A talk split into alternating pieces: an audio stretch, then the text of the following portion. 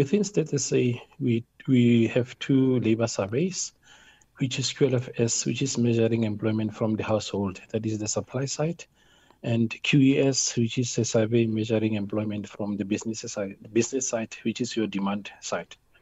And what would you say were the key takeaways from the latest quarterly employment statistics? Yeah, for quarter one 2023, the survey showed that 9,970 people were employed. Uh, this is a quarterly decrease of 21,000 uh, from 9,991,000 in quarter four 2022. And when we look at the yearly uh, comparison, the survey showed that year on year employment dropped by 97,000. And within the survey, we have the part time and full time employment, whereby full time we are referring to those working 40 hours or more per week, and part time are those working less than 40 hours per week.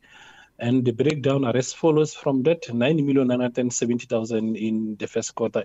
The breakdown is as follows. Full-time registered 8,818 while part-time on the other hand registered 1,152,000 and when we look at the movement between full-time and part-time quarterly and in yearly movement starting with full-time your full-time our, our, our full-time is showing that employment decreased by 63,000 quarter on quarter and also it showed a drop year on year of 24,000 while on the other hand, part-time showed an increase of 42,000 year on year, but uh, uh, rather quarter on quarter and year on year, it showed a drop of 73,000. And if we zoom into the industries which uh, contributed to this decrease of 21,000, the first one is trade with a drop of 36,000, followed by business services, a drop of 32,000, Transport and construction both showed a drop of 2,000 each.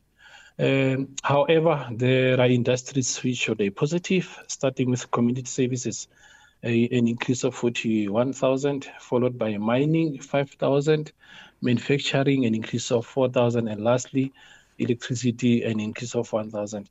I think it's very interesting to, to zoom into community services. Community services is an industry which consists mostly of government department, your national department, provincial department, municipalities, uh, extra budgetary and universities and technicons. This increase of 41,000 from the community uh, services is coming specifically from the uh, Presidential Youth Employment Initiative project, whereby youth uh, were targeted to assist in school activities. It's quite interesting, um, you know, especially when you look at the community services and what you're sharing there. But um, what, what, what did you find was behind the the decline when it comes to full time employment? Yeah, starting with uh, trade.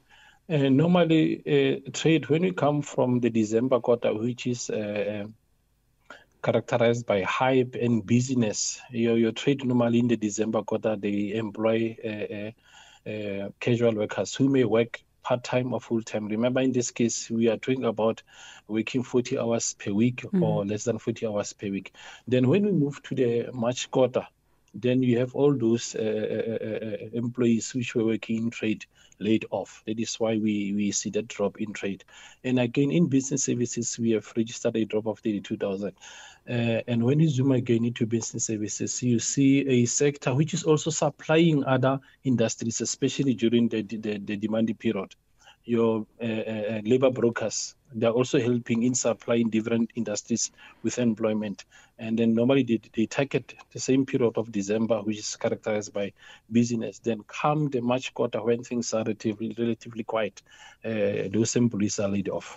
So someone is probably listening to us and wondering um, the, the you know full time and part time employment, and wondering if these numbers do take into account those who are in the informal sector.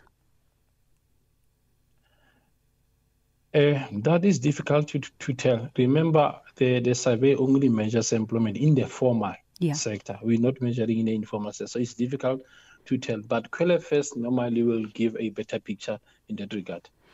And what does it tell us then about the overall health of the job market in South Africa? Okay, uh, the best answer is if you look at the the series, yeah. total employment series in 2009, we were sitting at 8 million 179,000. Um, 2023, we are sitting at uh, 9 million 970. So it is showing that employment is increasing at a steady pace. But compare, if you compare it with the level before COVID, uh, we're still a little bit lower uh, hoping things will improve depending mm. on what what we get from the, from our measurement. And I suppose it, it, will also improve, especially when you look at the young people that have started um, when it comes to that presidential youth employment um, you know scheme and the community services. If things like those continue, things can improve uh, significantly for young people as well. Yes, it's very interesting to see how over time uh, such initiative will will uh, uh, uh indicate or show but it is actually showing a, a, an improving employment, especially uh, targeting the youth. All right, Ndate Masupia, thank you so much for your time. Do appreciate it. That was uh, Mahlapane Masupia, Director responsible for quarterly employment statistics with Stats SA.